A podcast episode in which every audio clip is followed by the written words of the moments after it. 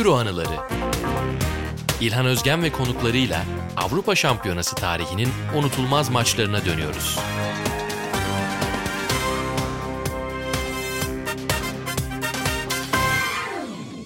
Selamlar. Euro anılarında yeni bölüme hoş geldiniz. Bugün hem benim artık eskisi kadar sık aynı ortamda bulunamasak da spor üzerine çok şey öğrendiğim, danışmayı sevdiğim, muhabbetini sevdiğim hem de disipliniyle çok hayran olduğum bir insanla muhabbet edeceğiz. Sevgili Ozancan Sülüm konuğum. Selamlar abi. Teşekkür ederim teklifimizi, davetimizi kabul ettiğin için. Hoş geldin. Abi hoş bulduk. Ben teşekkür ederim güzel sözlerin için. E, bil mukabele diyeyim özet olarak. Ne zaman muhabbet etsem hakikaten özellikle futbol ki ben mesela tarih konusunda futbolun tarihi konusunda izlediğim dönem kadar varım. Ama onun ötesinde senden bir şeyler öğrenmekte... Estağfurullah. Eskiden bazı bazı bizim bu amatör podcastlerimizde bir araya gelirdik seninle. Avrupa kupaları falan konuşurduk. Artık ayrı düştük ama olsun. Seni gene de takip ediyorum. Ara ara eskisi kadar sık olmasa da yazılarını okumaya çalışıyorum. O usta da çok severim üslubunu filan. O hafif esprili.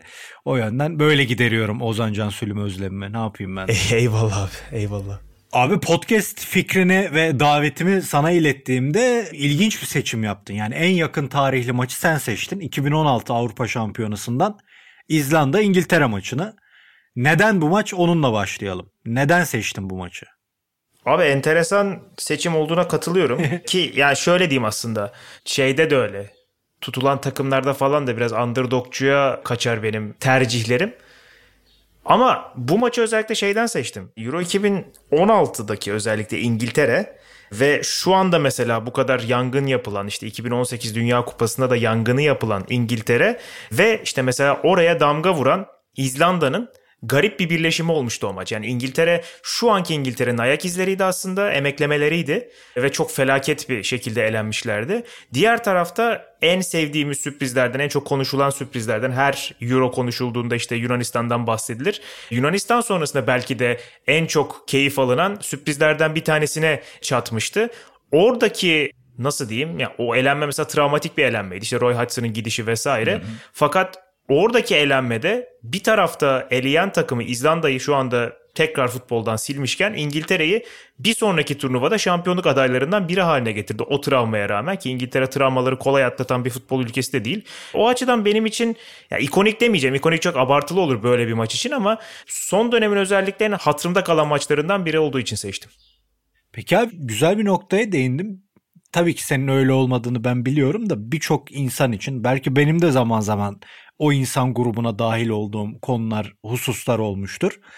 İzlanda sempatik olurken Yunanistan niye antipatik olmuştu? Aslında dediğin gibi felsefe aynıydı bir bakıma yani. Burada da İngiltere aynı şekilde elendi aslında. Yani 3-4 kere kaleye gidildi belki de. 2 gol atıldı maç başında ve dönüldü. Ama İzlanda çok sempatikti cidden. Belki de turnuvanın en büyük rengiydi. Çok haklısın.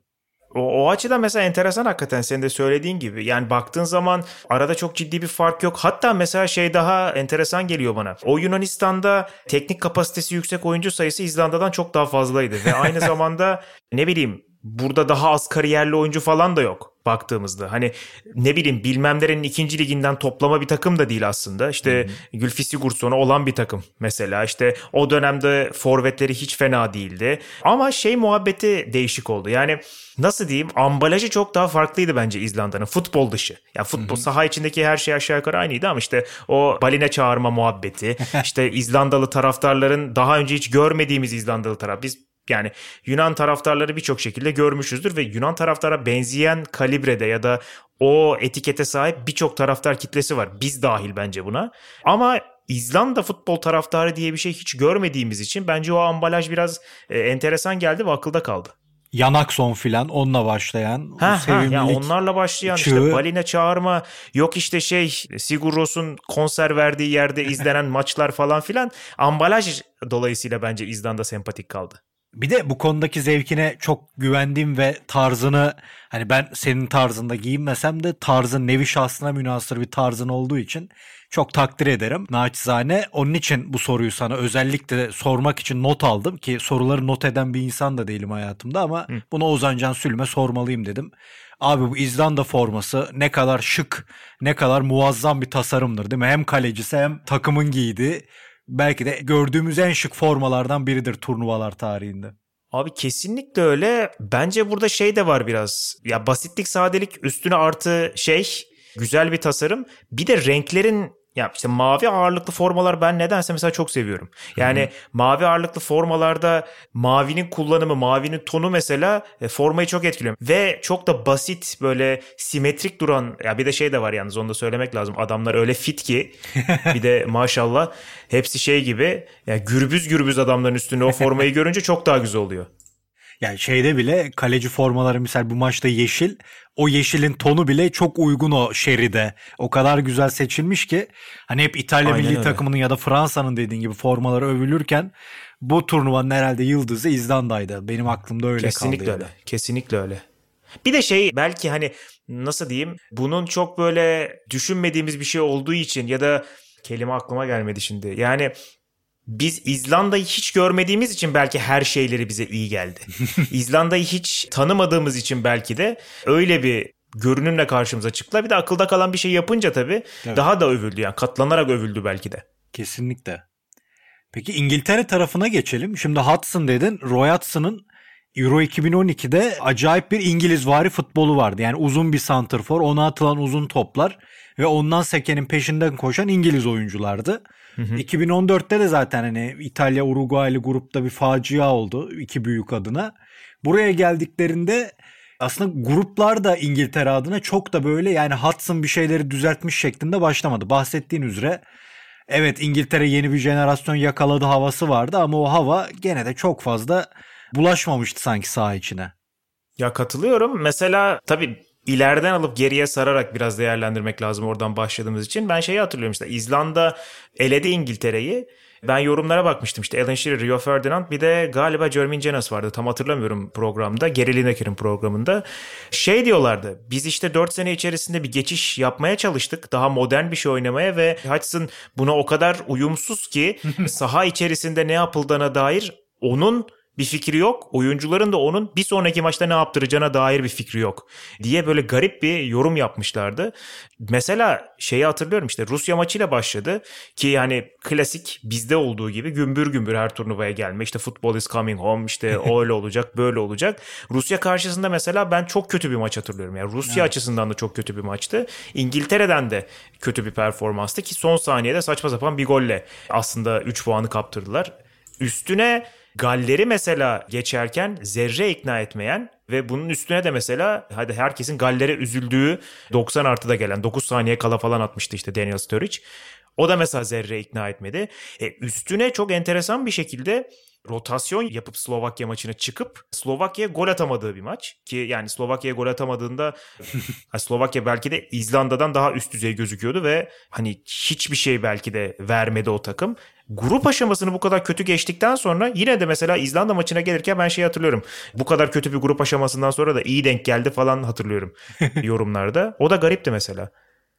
O bahsettiğin şey çok doğru ya. Ya tamam İngiliz futbolu elbette son 10 yılda lig bazında Avrupa'da çok yükselen neredeyse rakipsiz diyebileceğimiz bir seviyede olabilir ama milli takımlarda ezelden beridir bu her turnuvada işte bu sefer acayip bir nesil yakaladık. Bu sefer acayip doğru oyuncular yakaladık gazı.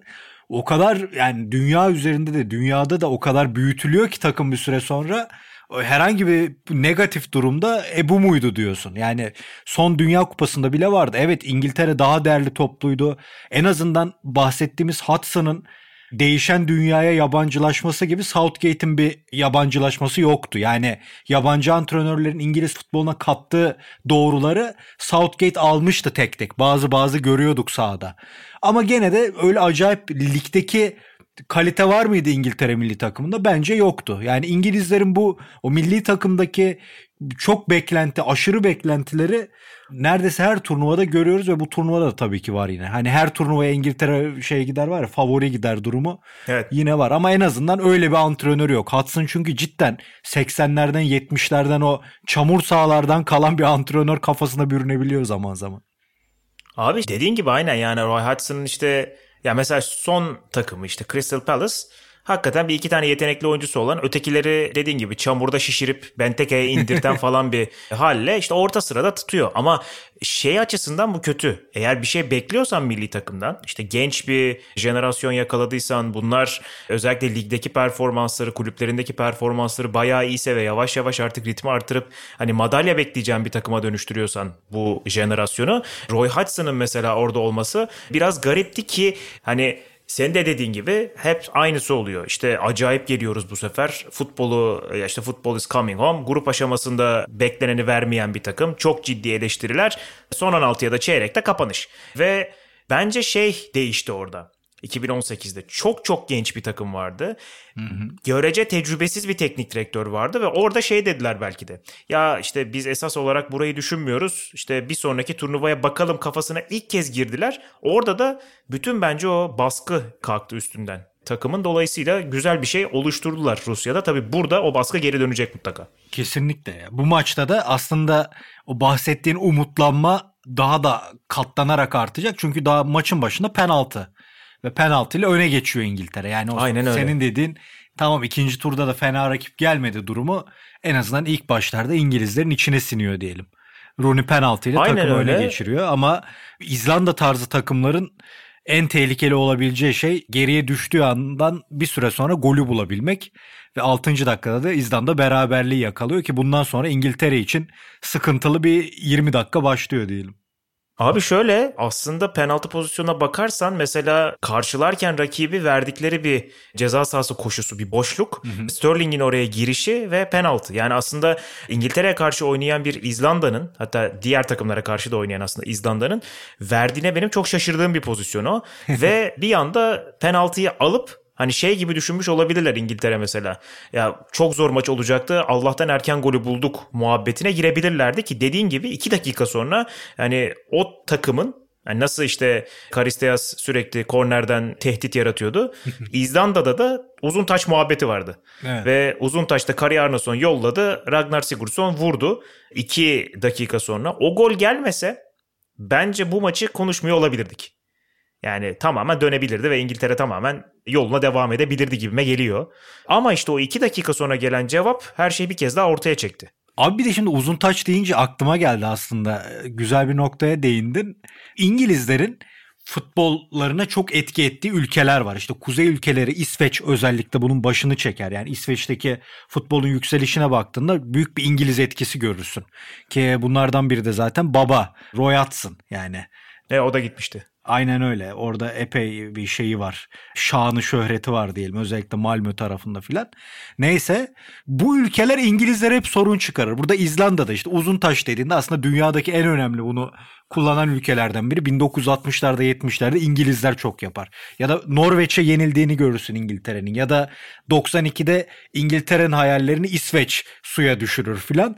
Hep bu amiyane tabirle futbolu öğrettikleri ülkelere futbolu öğrettikleri ne diyelim ufak hilelerle, ufak futbol kısa yollarıyla mağlup olurlar. Ve bu da o uzun taşta onlardan biri aslında. Yani İzlanda eski bir İngiltere modeliyle İngiltere'yi yeniyor gene. Yok ki ya mesela 4-4-2 işte Tabii. klasik. Aynen. Hiç bozmadılar onu e, turnuva boyunca. Çoğu hatta hala bozmadılar neredeyse.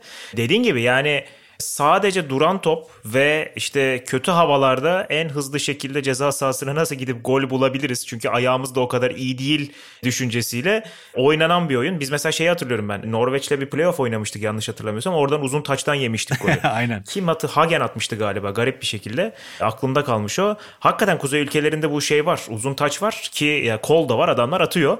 Sonrasında mesela şey çok enteresan.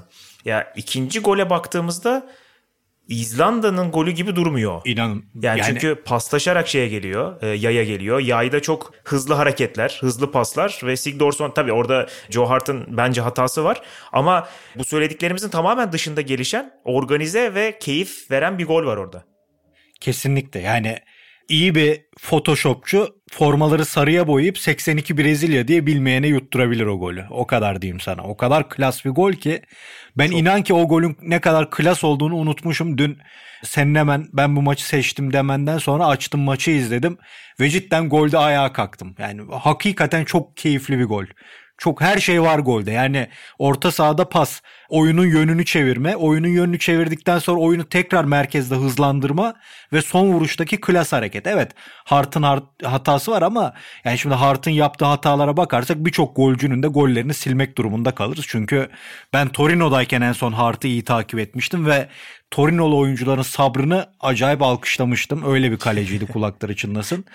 Ama burada bu golü de hiç boş geçmeyelim. Hakikaten muazzam bir gol. Çok zevkli bir gol yani. Aynen ya şey hatırlatıyor bana. Ronaldo'nun Oliver Kahn'a attığı golü hatırlatıyor. Niyeyse böyle işte çok beklenmedik bir anda aradan çıkıp pat diye vuruyor. Oliver Kahn da galiba tokatlıyor içeri. Öyle bir şey olması lazım. 2002'deki gol. E, hakikaten çok güzel bir gol. Ve işte İzlanda ki bayağı da erken öne geçiyor. 18'de Tabii. 1-0'dan 2-1 yapıyor takım. Buradan sonra bence İngiltere'de inanılmaz bir panik başlıyor. Bunu zaten görmek mümkün işte. Uzaktan sürekli şut çekmeler, bir an önce ceza sahasına uzun toplar yollamalar, işte çaresizlikten mesela işte gelişi güzel ortalar falan görmeye başlıyorsun. Orada şeyi anlıyorsun zaten. Ha, İzlanda zaten zor gol yiyen bir takım.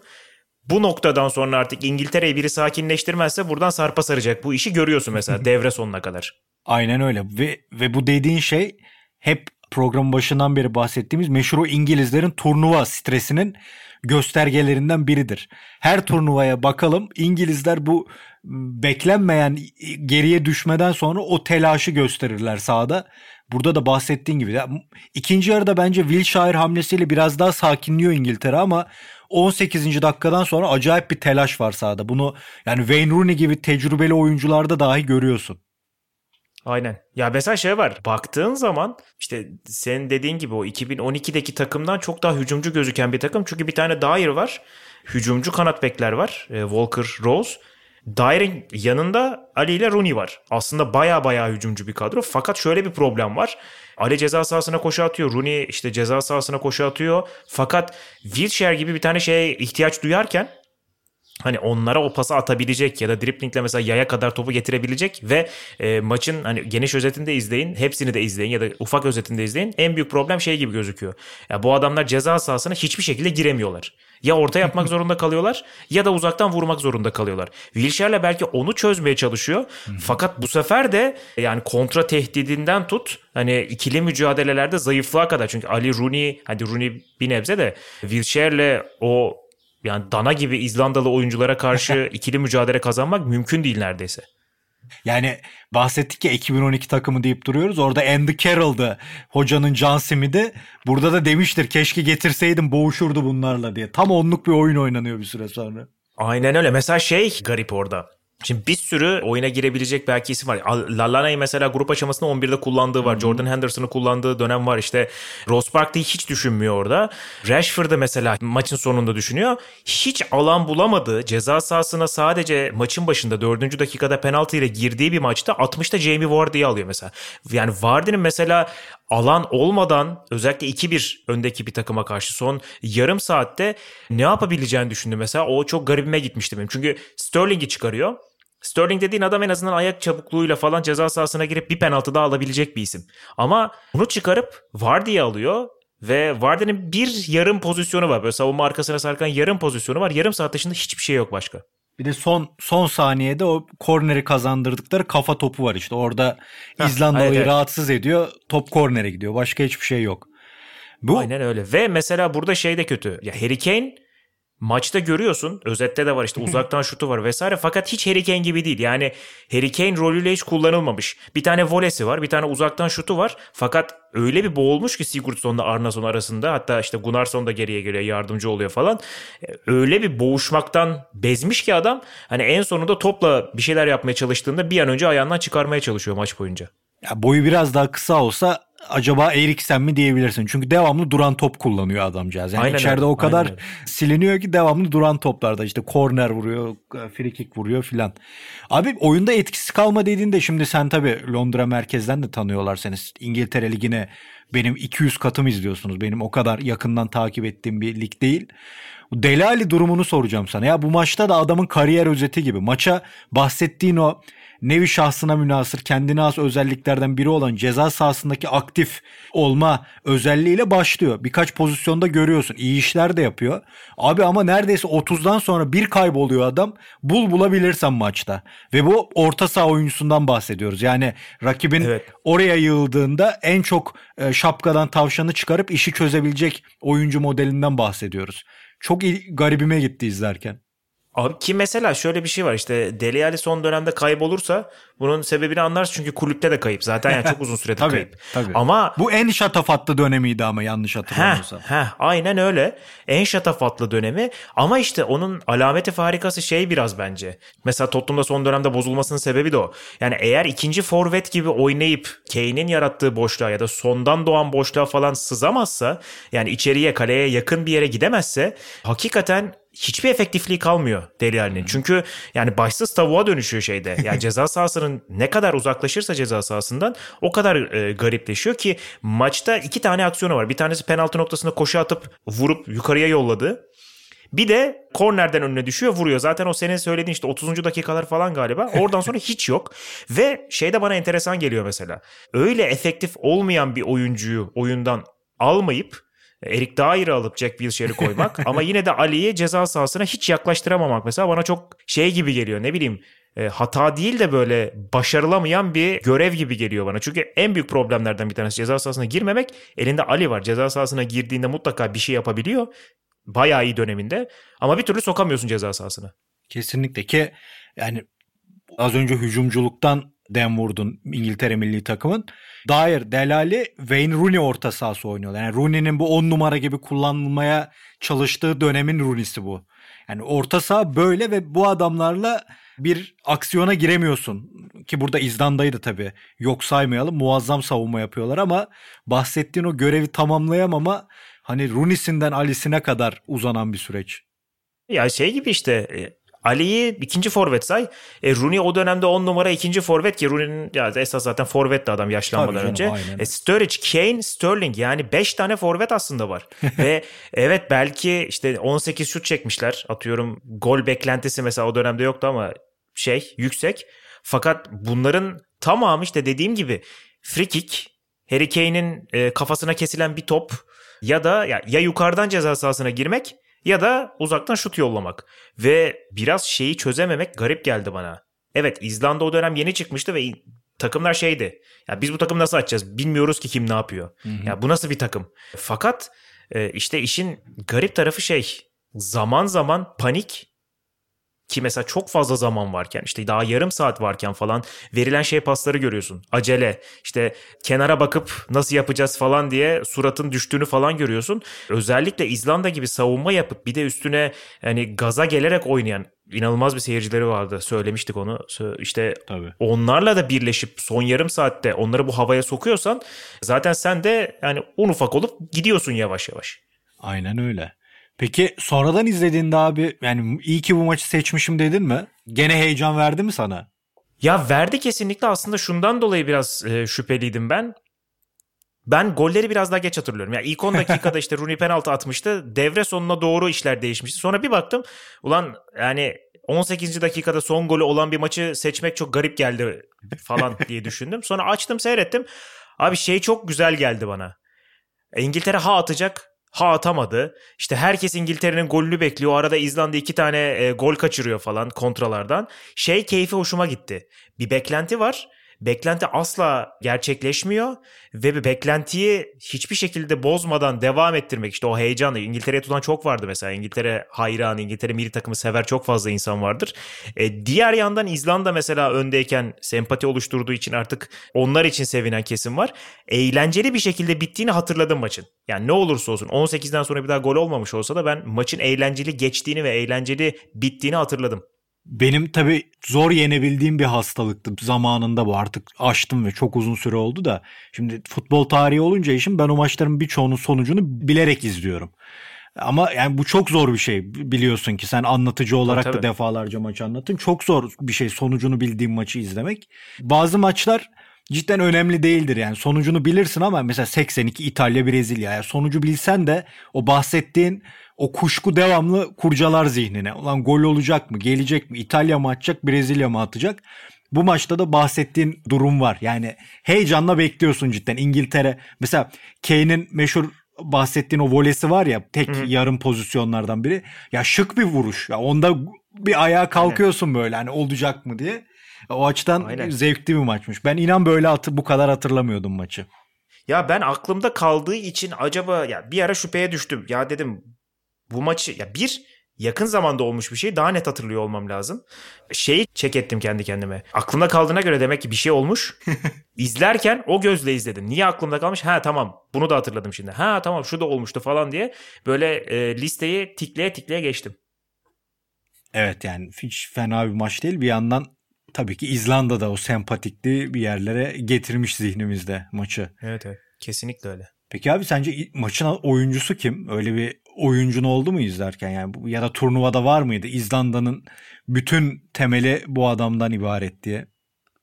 Aa, aslında İzlanda gibi takımlarda bence onu bulmak çok kolay bir şey değil ya. Evet. Bilmiyorum katılır mısın? Kesinlikle. Yani tamam mutlaka akla gelen isimleri Kari Arnason mesela adamın hem yani maç boyunca yaptığı şeyler ki savunmasıyla ön plana çıkan bir takımda stoperin ön plana çıkması çok garip bir şey değil. Fakat adamın garip bir olayı var. En önemli şey hücum silahlarından biri taçtan dolayı. Yani mesela ben beklerin taç attığını ne olursa olsun mesela nerede olursa olsun gidip taç attığını çok gördüm. Fakat stoperin bekleyin ben gidiyorum deyip asiste varacak taçlar attığını mesela çok hatırlamıyorum. Çok garip gelmişti bana. Vallahi, o gün Temiz şey Kanoğlu var. vardı işte öyle atardı hatırlıyorsan. Ha, mesela, atar gelirdi aynen. Ben takımda ama şeyi çok iyi hatırlıyorum. Her ne kadar belki skor katkısı yaptı mı yapmadı mı hatırlamıyorum. Abi Bjarna sonu ben enerjisine inanılmaz hayran kalmıştım ya. Hı hı. Yani Bjarna sonun her yeri doldurması bir de üstüne zaman zaman da bütün işte ceza sahası koşularını, sürpriz koşularını onun yapıyor olması benim çok dikkatimi çekmişti. Ee, Birkir Bjarnason aklımda kalanlardan bir tanesi. Ki şey de söyleyebiliriz belki yani Sigdorsson o dönemde iyiydi. Çok da güzel bir gol attı ondan da bahsettik. Ama dediğim gibi bir oyuncu öne çıkarmak çok kolay değildi. Kesinlikle ya şeyde de Yunanistan'da da öyle misal. Tamam Zagorakis MVP falan oldu ama misal kariyerinde özellikle İtalya kariyerini daha bildiğim için söylüyorum. Dellas yani İtalya'da hiçbir zaman o kadar bir oyuncu değilken bir anda bir savunma liderine dönüşmüştü misal aklıma gelenlerden. Haklısın. Ama e, son İtalya'da oynuyordu o zaman yanılmıyorsam. Yanılıyorsam özür dilerim. Biraz da tanıdığım oyuncu olduğu için onun o enerjikliği bahsettiğin gibi. Benim de gözüm ondaydı yani. Gözüm onda olan oyunculardan biridir. Bir de tabii 10 numara giyen her insana ben alıcı gözle baktığım için Sigurdsson'u da unutmayalım. Ama tabii, tabii. genel savunma kurgusu çok zevkli oluyor bu takımlarda. Yani o gözle izlemek keyif veriyor. Bugün gene Aynen. o gözle izlediğimde keyif aldım İzlanda'dan ben cidden. Ben bir tek şeyi anlayamıyorum. Mesela işte son Chelsea Şampiyonlar Ligi'ne alırken orada da eleştirildi. Ya işte yatmaktan başka bir şey yapmadılar. Yani. Çok fazla e, eleştiri alıyor. Yani ona ona hiç girmeyeceğim zaten de. Şeyde kulüplerde bu çok oluyor. Yani kulüplerde çok eleştiriliyor. Çıkın kardeşim adam gibi oynayın muhabbetine dönüşüyor bir noktadan sonra. Fakat İzlanda, Yunanistan gibi takımları sempatik şekilde hatırlıyoruz. Kulüple e, milli takım arası değişimleri çok anlayamıyorum o yüzden. Evet yani kulüpte bir şey var gibi. Ya bu adamlar ne yapsın bir araya geliyor bu kadarını oynuyor tarzı bir yaklaşım oluyor herhalde. Kulüpte yani bir ton idman yapıyorsun artık. Şu topu düzgün oyna mantığı oluyor anlamıyorum. Ki Chelsea'de hiç bahsettiğin gibi bir şey kaldık. olmadı bence gayet. Yani hızlı oyunu oynadı ilk yarı. İkincisi e, koca Guardiola'yı kendi oyununa mahkum etti. Bu çok önemli bir şey bence yani. Hani... Aynen öyle ve daha fazla net pozisyon evet. kaçıran taraf yani. Guardiola'nın takımını o basit golü atmak yani ateşin icadından sonra en basit hücum şeyi yani çapraz koşularla defansı yarmak. Hani bununla Guardiola'nın takımını yarabiliyorsan sorun yok abi yani. Hani demek ki doğru bir şey de yapıyorsun. Aynen öyle. Bir de yani 1-0'ı korumak, gol yememek sana Şampiyonlar Ligi gibi bir şey getirecekse niye gol yemediğin için e, eleştirilesin ya da niye gol yememeye oynadığın için eleştirilesin? Kesinlikle yani o savunmanın yorumunun da tatsız seviyeleri oluyor ama ben Chelsea'nin de ya da İzlanda'nın ki Yunanistan'ı geçen Buğra'yla da konuştuk. Ben o seviyeyi hatırlardım. Sonraları tekrar tekrar izleyince yani gayet de hücumu da düşünmüşler ama ellerinden o kadarı gelmiş gibi bir gözlemim oldu. Onun tabii, için tabii. bahsettiğin şey doğru yani. Bir de şey hakikaten dediğin gibi milli takımlarda E yok yani. yani mesela bir takımın forvet abi Almanya'nın yıllardır forveti yok doğru düzgün. E yoksa da ona göre oynayacak yani yapacak bir şey yok. Aynen öyle ki Almanya dediğin yani son 20 yıldır oyuncu yetiştirme hususunda elle gösterdiğin ülkelerden biri. Hani bu bile Aynen bu öyle. sıkıntıya düşüyorsa sen var İzlanda'yı düşün Yunanistan'ı düşün yani. Aynen öyle. Zaten ne bileyim işte İtalya 2. liginden, e, İzlanda liginden, İsveç'in orta sıra takımından toplayıp gelen bir ülkenin nasıl oynadığını eleştiremezsin zaten. Nasıl oynayabiliyorsa öyle oynar. Ya ki şimdi biz eski dünya kupalarını izleyip konuştuğumuzda da onu görüyoruz. Mesela İsveç'i çok sempatik buluruz hep 94'te falan. Yani baktığında İsveç de aslında o rakibi tuzağa düşüren 4-4-2 oynamış ama bazı maçlarda rakibi daha sık tuzağa düşürdüğü için daha çok gol atmış ve bu da hani sempatik oyuncularla Dahlin'le, Brolin'le, Anderson'la birleşince diyorsun ki İsveç ne top oynardı. Hayır ya İsveç de ya da Eriksson'un Lazio'su da gayet savunmacı takımda ama oradaki o bireysel yetenekler dediğin gibi insanlarda biraz şey bırakıyor. Ne takımdı be. Hani Yunanistan'da o isim yokken ay sıkıcı ama diğerinde varsa Nedved varsa ne takımdı be Tabii. seviyesine ulaşabiliyorsun.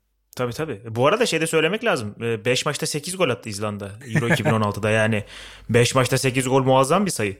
Kesinlikle daha ne yapacak? Yani. Ve dediğimiz gibi yani bu ikinci gol birçok şeye bedel bence yani. Hakikaten Kesinlikle çok zevkli bir katılıyorum gol. Ders. Kesinlikle katılıyorum. Peki son olarak Şeyi şeyi de unutmamak lazım.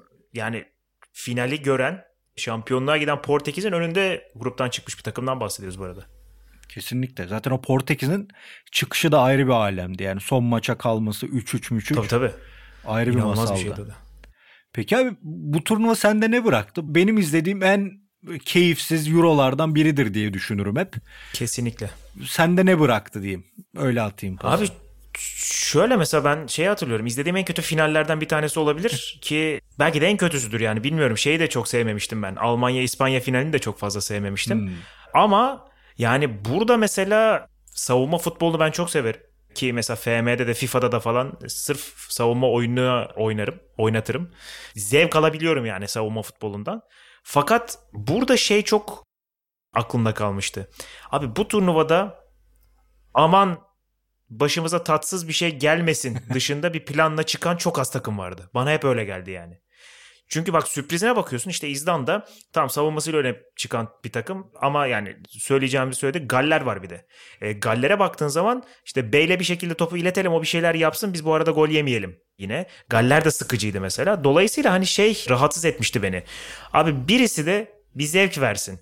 Yani finale giden zevk vermedi. Sürpriz yapan zevk vermedi. işte şampiyon olan zevk vermedi. Zevk alamadım ben aslında Euro 2016'dan genel itibariyle.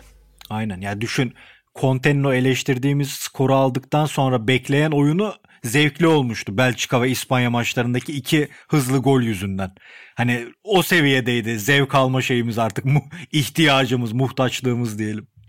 Aynen aynen öyle. Yani özellikle mesela ben şeyi hatırlıyorum. Ben normalde işte finalleri böyle gözümü kapamadan falan izlerim. Ya finalden bir tek şeyi hatırlıyorum ya. Ronaldo'nun ağlaması işte sakatlandı çıktı ağladı. İşte bir de maç sonunda o maçta herhalde Jin yakın direkten dönen topu vardı. Başka da hani aklıma gelen hakikaten hiçbir şey yok. Eder'in golü zaten hani hatırlamamak mümkün değil. Ama yani şu an an hani şu maç inanılmazdı. Bu maç bu maç dışında benim aklımda kalan çok fazla bir şey yok mesela. Ya biz misal zevkli hatırladığımız maç olarak Buğra'yla programda Macaristan Portekiz'i seçtik. Ya Hı, tamam 3-3. 3-3 de hakikaten son 25-30 dakikası çekilir çile değil yani. Hani Aynen öyle. keyifli hatırladığımız bile öyle çıktı ama yani senin maçın cidden yani özellikle 30 dakikası 40 dakikası diyelim toplamda keyifli anlara sahne olan bir maç. Aynen öyle. Çok teşekkür ederim abi. Çok keyif aldım. Ben davetine teşekkür ederim. Ben de acayip keyif aldım ki konuştukça da maçı ve aynı zamanda turnuvayı daha böyle keyifli hatırlar hale geldim. Aynen. Bereket Euro 2000'e falan girmedik. Bir yanda İtalya bir yanda Fransa. Biz ikimiz de bitiremezdik bu programı. aynen aynen. Aynen. Çok sağ ol abi. Ağzına sağlık. Çok teşekkür ederim. Ben teşekkür ederim. Senin de ağzına sağlık. Dinlediğiniz için sizlere de teşekkür ederiz. Görüşmek üzere diyelim. Hoşçakalın. Hoşçakalın.